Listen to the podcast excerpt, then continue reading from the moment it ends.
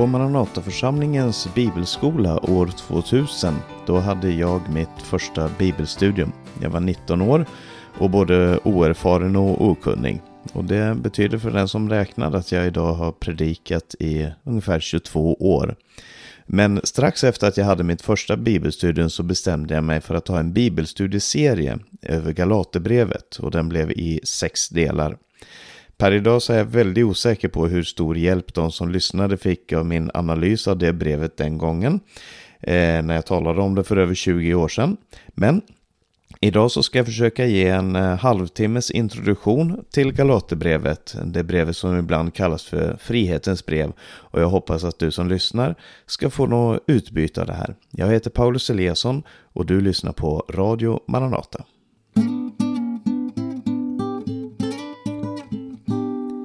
Galaterbrevet det hittar du i Nya Testamentet efter Romarbrevet och Korintierbreven. Eh, det är den nionde boken i Nya Testamentet och det är ett av de tidigaste breven som aposteln Paulus skrev och lägger grunden för många av hans senare brev, kanske framförallt Romarbrevet och Efesebrevet, där man hittar mycket av den samma förkunnelsen. Författaren till Galaterbrevet, ja det är aposteln Paulus och tidigare när jag har talat om brev av aposteln Paulus så har det ofta varit omdiskuterat.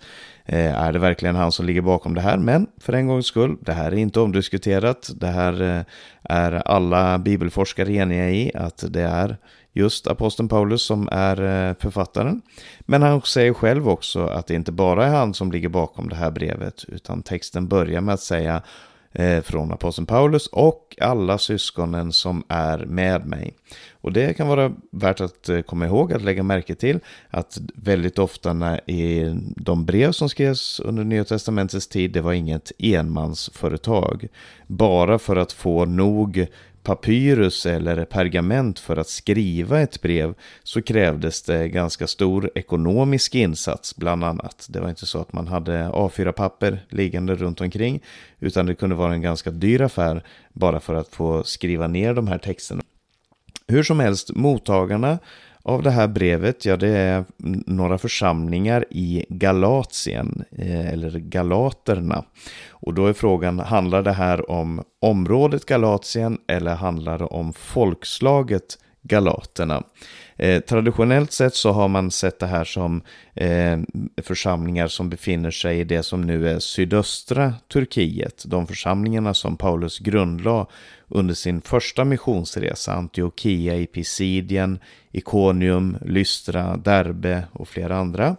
Det kan också vara tal om eh, eh, ett område i norra Turkiet. Då syftar det på galaterna som folkslag och inte som region. Och i så fall så handlar det om Paulus, att det är församlingar som blir grundlagda efter Paulus andra missionsresa.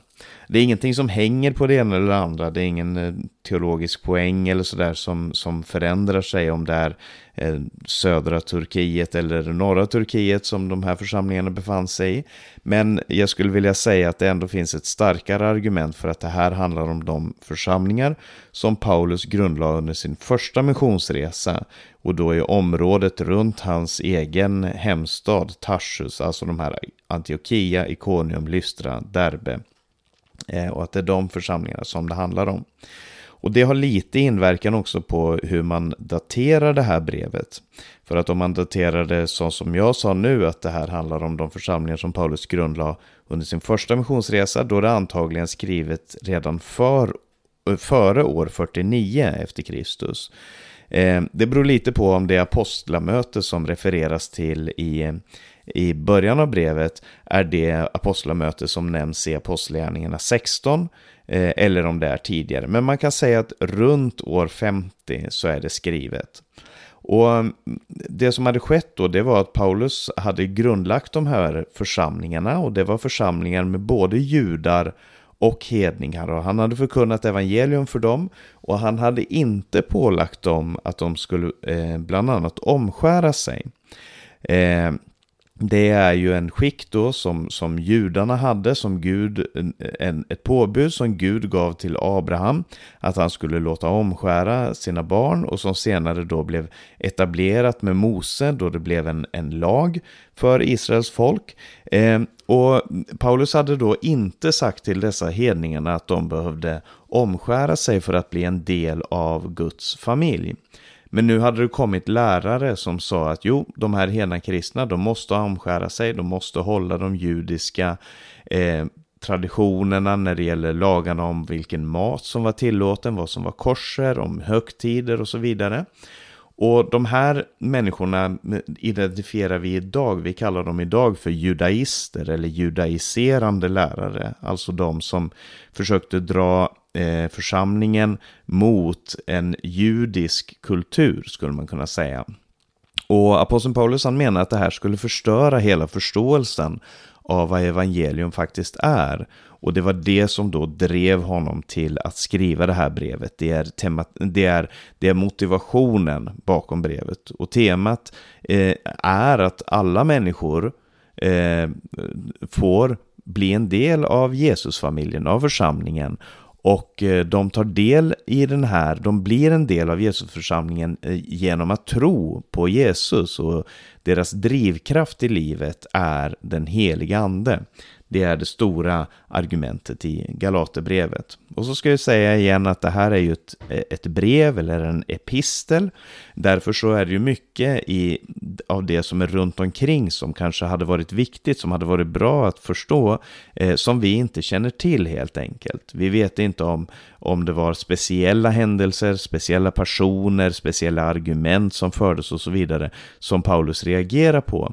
Eh, och ibland så misstänker jag, när, framförallt när jag läser Galaterbrevet, att han använder en del av de här judaisternas retorik mot dem själva. Till exempel när han säger det är vi som är Abrahams barn. Och då kan man tänka sig att de kanske hade det här som argument att ja men vi som judar, vi som, vi som verkligen är omskurna och så, vi är Abrahams barn. För att Abrahams barn är omskurna. Men så säger aposteln Paulus, det är vi som är Abrahams barn, vi som tror på Jesus, vi som lever efter den samma tro som Abraham hade. Nu ska vi gå in och se lite på den här texten också.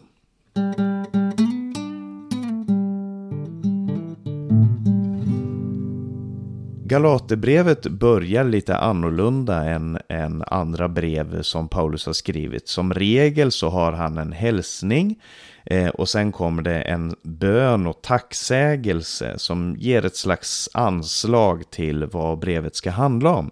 Men i Galaterbrevet, där börjar Paulus med en hälsning och så går han direkt över, redan i den sjätte versen så säger han, jag är förvånad att ni så fort överger honom som har kallat er genom Kristi nåd och vänder er till ett annat evangelium. Jag är förvånad, det börjar han med, och, och han, han är besviken och han är förvånad över hur för utvecklingen i de här galaterförsamlingarna. Och det är ämne som han går in på direkt. Han, han eh, väljer att inte ha några långa utläggningar utan gå direkt på kontentan här. De har gått bort ifrån det han kallar för evangeliet. Det här är alltså inte småsaker, det är inte småpotatis som han tycker att ja, men, det här är väl också viktigt, utan det här är eh, grundläggande saker i evangeliet som han vill peka på. Och det första han säger då är att jag har inte tagit emot det, det evangelium som jag förkunnade för er, det tog inte jag emot av någon människa. Jag har heller inte hittat på det själv. Det här är ingenting som, som jag eh, kom med och som var liksom Paulus evangelium, utan han säger jag fick det här evangeliet av Jesus själv. Han fick det genom en uppenbarelse. Och det kan hända att det fanns en anklagelse om att Paulus hade andrahandsinformation, att det liksom, han hade tagit emot budskapet kanske från någon apostel och sen hade han ändrat det på sitt eget sätt. Och varför ska man lyssna på han som har ändrat på budskapet istället för att lyssna på dem som faktiskt vet vad det handlar om? Eh, och, och han säger, nej, jag har inte fått det här evangeliet av, av någon annan än av Jesus själv. Och sen så säger han att vi dessutom många år senare, efter det här att jag, att jag började förkunna evangelium, så kom jag till Jerusalem och mötte apostlarna där och samtalade med dem.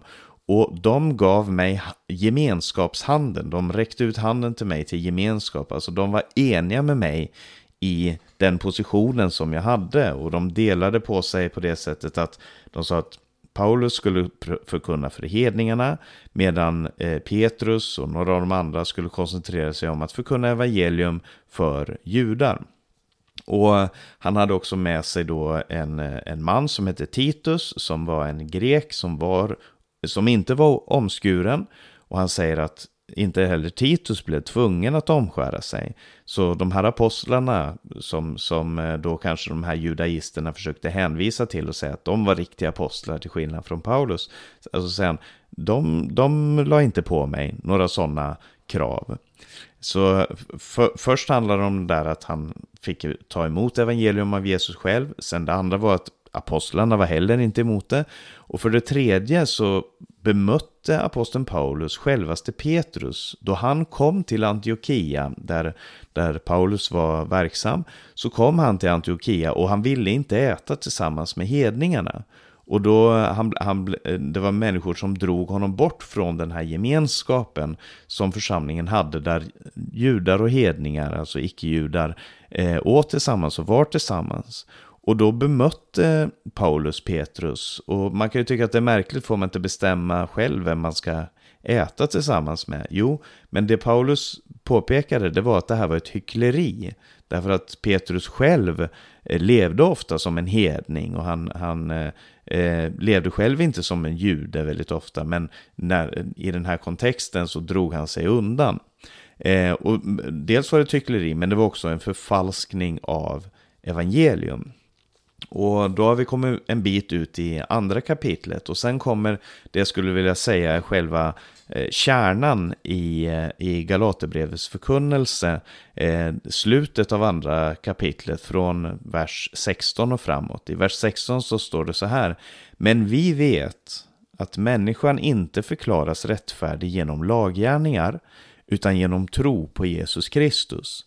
Därför har också vi satt vår tro till Kristus Jesus för att stå som rättfärdiga genom tro på Kristus och inte genom laggärningar. Genom laggärningar blir ingen människa rättfärdig. Och här används ett ord flera gånger och det är ordet rättfärdig. Vi vet att människan inte förklaras rättfärdig. Och det är, skulle man kunna säga, ett väldigt kristet ord, även om det används en del om rättfärdighet i fördelningen av resurser och så vidare. Men, men här talar eh, eh, Paulus om rättfärdighet eh, och det ordet, eller som, som han använder det, så handlar det om att stå i ett rätt förhållande till Gud. När man är rättfärdig då har man ett, då har man ett fungerande förhållande till en annan person. Och eh, frågan är om vi kommer i ett rätt förhållande till Gud genom att följa laggärningar, följa Toran, de fem Moseböckerna och, och lagarna som presenteras där. Eller gör vi det genom att tro på Jesus? Eh, och han säger här, vi förklaras inte rättfärdig genom laggärningar utan genom tro på Jesus. Det intressanta är att det här uttrycket genom tro på Jesus, när man läser det på grekiska som Paulus skrev på, så så kan det ha två betydelser. Det kan antingen betyda genom tro på Jesus Kristus, eller så kan det betyda genom Jesu Kristi trofasthet. Ordet för tro kan också vara trofasthet, det heter pistis på grekiska.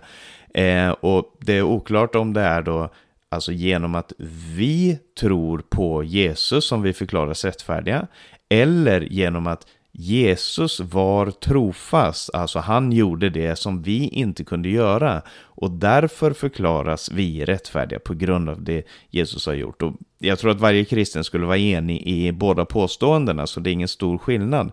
Men det kan vara intressant att tänka på eh, när man analyserar den här texten, där, just därför att som, som protestantisk kristen i alla fall, som, eh, som en Maranatavän som har läst Bibeln genom hela livet så tror jag att man kan bli lite blind för de här nyanserna.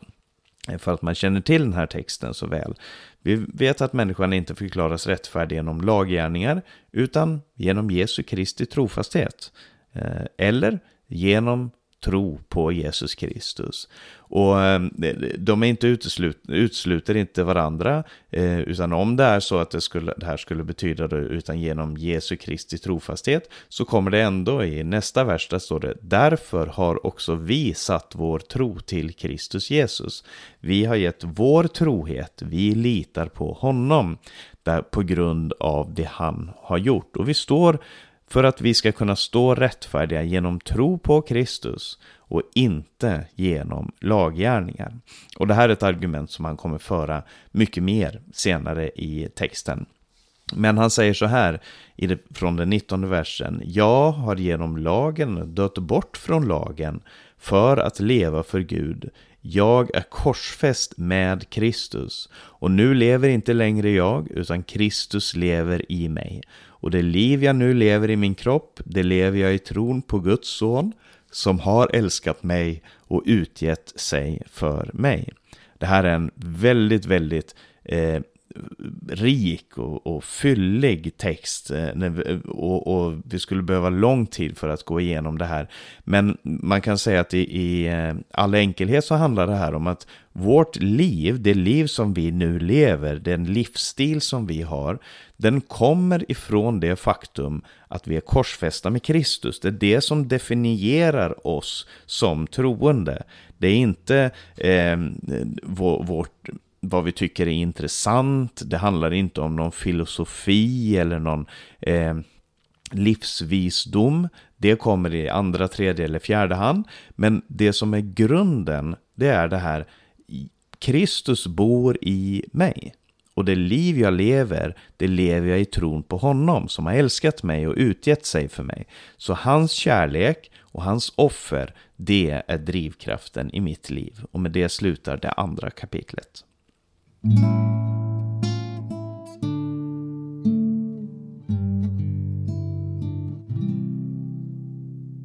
När man kommer in på det tredje kapitlet i Galaterbrevet då börjar Paulus föra argumentet runt det här om rättfärdiggörelsen genom tro på Jesus. Och han säger först att ni har ju, ni som har tagit emot det här, han talar då till församlingen i, de här Galaterförsamlingarna, han säger ni eh, har ju en erfarenhet. När ni kom till tro, hur var det då?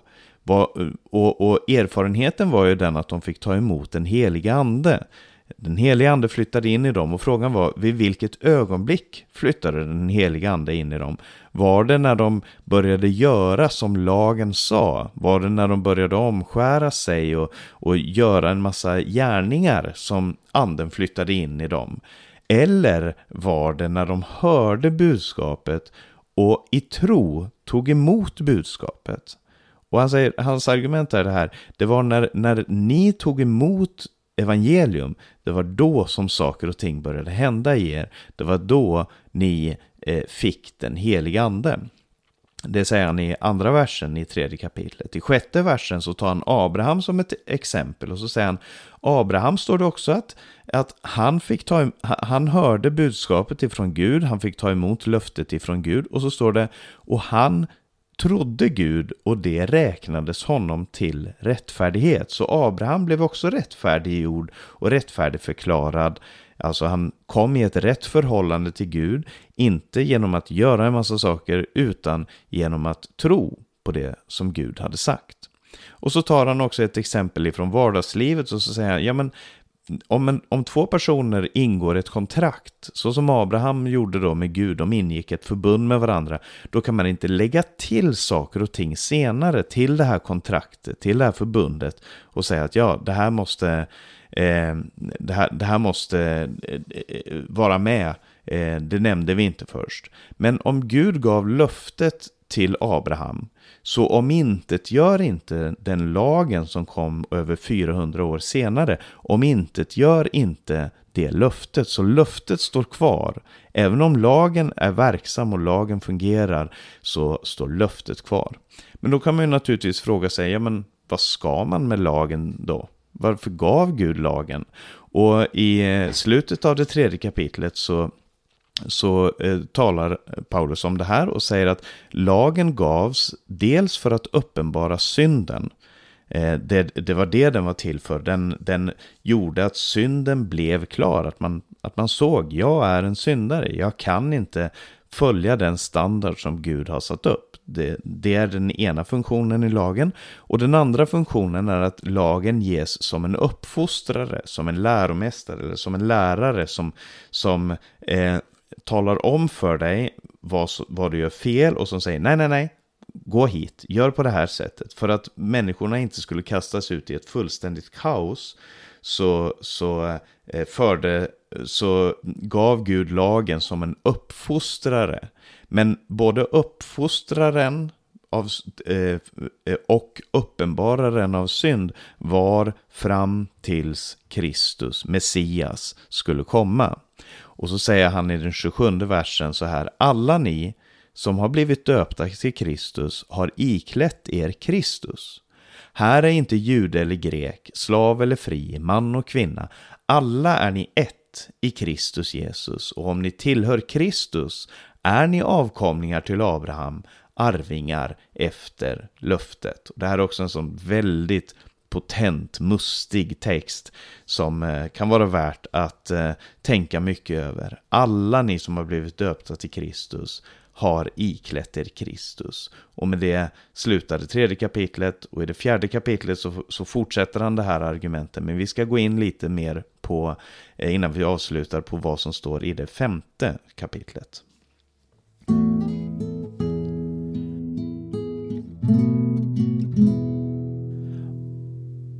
Man kan ju fråga sig då om eh, det är så att vi blir rättfärdiggjorda genom tro på Jesus Kristus.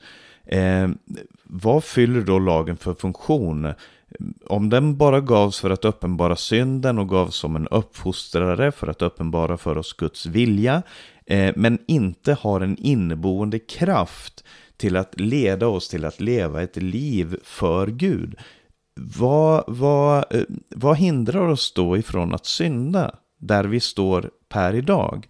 Och där svarar aposteln Paulus, det är den helige ande den tredje personen i gudomen som flyttar in i en människa och som förvandlar den människan som har kommit till tro på Jesus.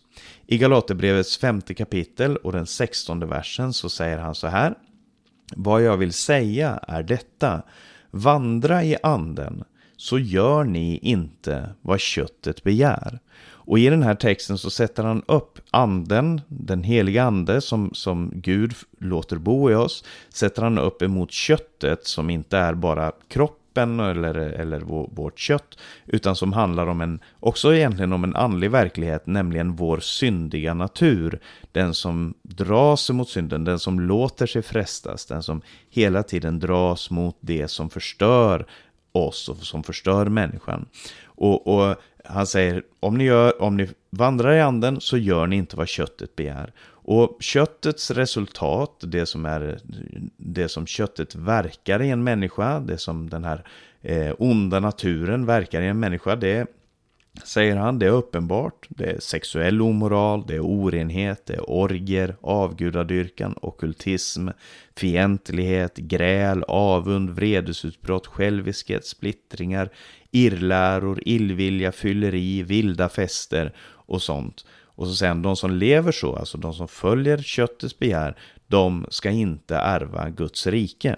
Och här kan man säga, men vadå? Ska, så om man, men var det inte genom tro bara som vi blev frälsta? Var det inte bara genom att vi trodde på evangeliet så blev vi frälsta? Och det är helt sant. Men eh, frågan är vad som är drivkraften i vårt liv. Och om inte anden är drivkraften i vårt liv så bevisar det att vi inte har satt vår tro till Jesus. Och istället så säger han att anden har en frukt. Och den här frukten som anden verkar i en människas liv, det är kärlek, glädje, frid, tålamod, vänlighet, godhet, trohet, mildhet och självbehärskning. Och, sen, och, det, och det här är ju saker och ting som lagen eh, egentligen önskar.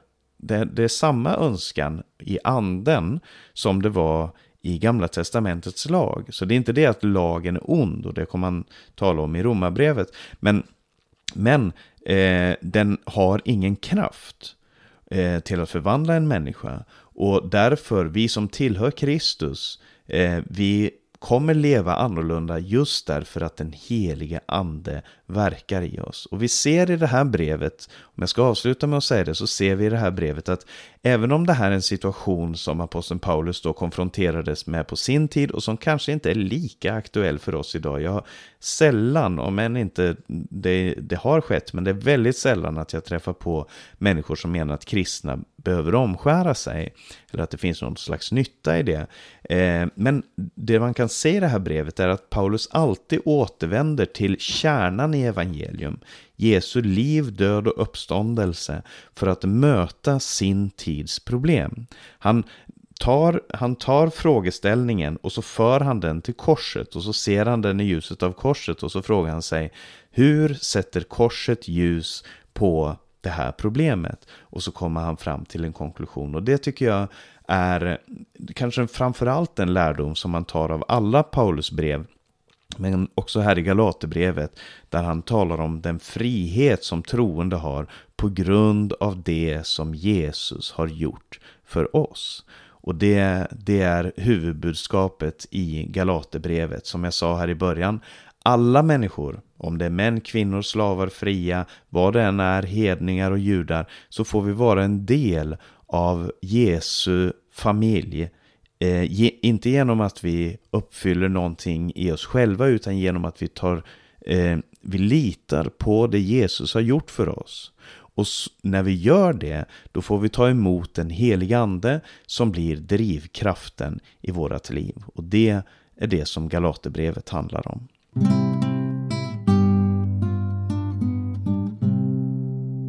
Vi ska alldeles strax lyssna på sången Det gamla evangeliet, en inspelning med Arne Imsen och församlingen.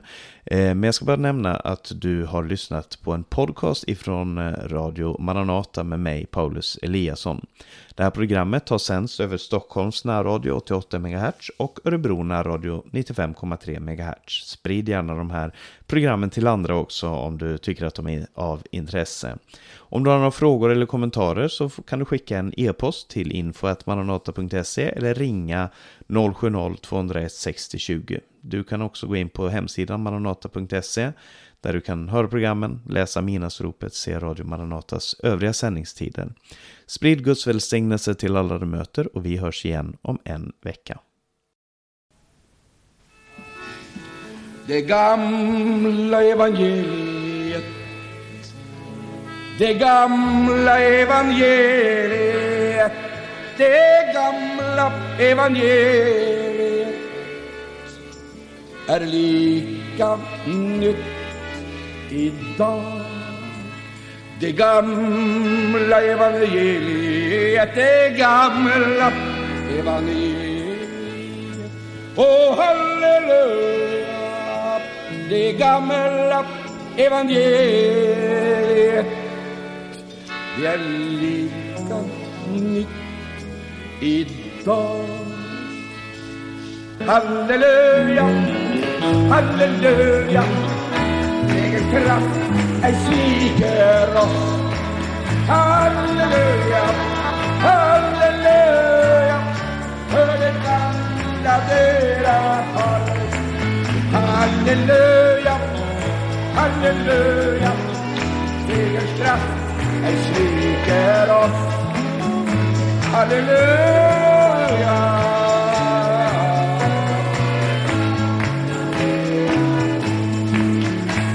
som håller liv i mig är en helgande eld, helgande eld, helgande eld. Ja, det som håller liv i mig är en helgande eld. Jesus, den helgande eld. Det som håller liv i mig är en helgande eld, helgande eld, helgande eld. Ja, det som håller liv i mig är en helgande eld.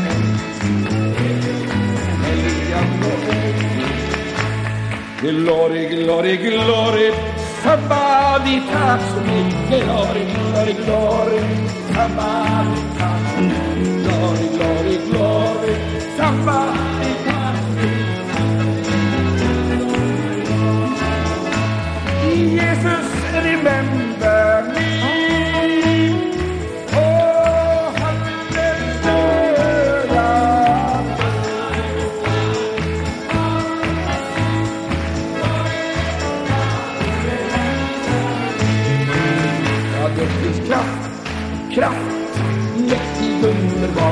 Guds lammers blod. Kraft, kraft, mäktigt underbar, lammers dyrbara blod. Det finns kraft,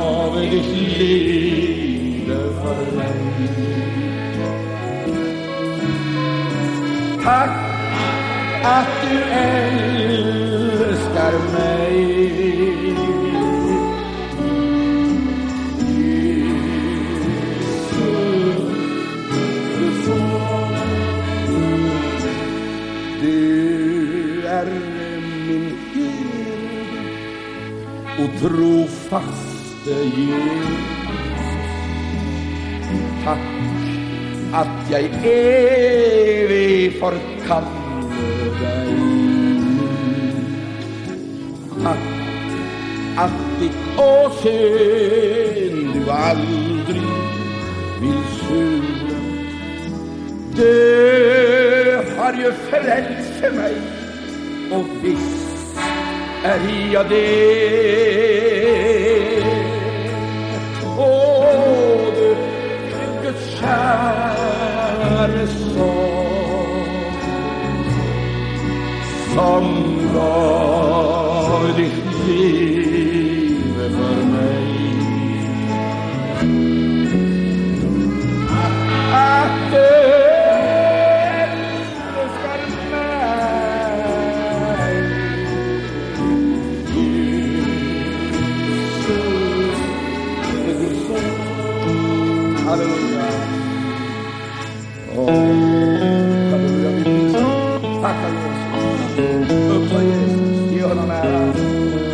Hylla honom för den ära.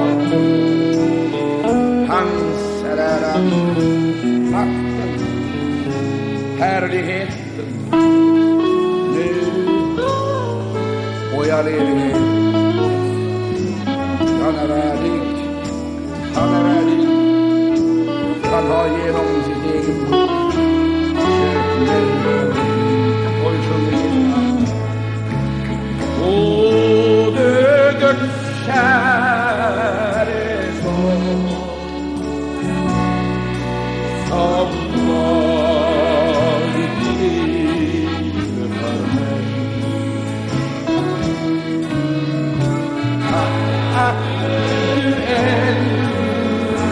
made.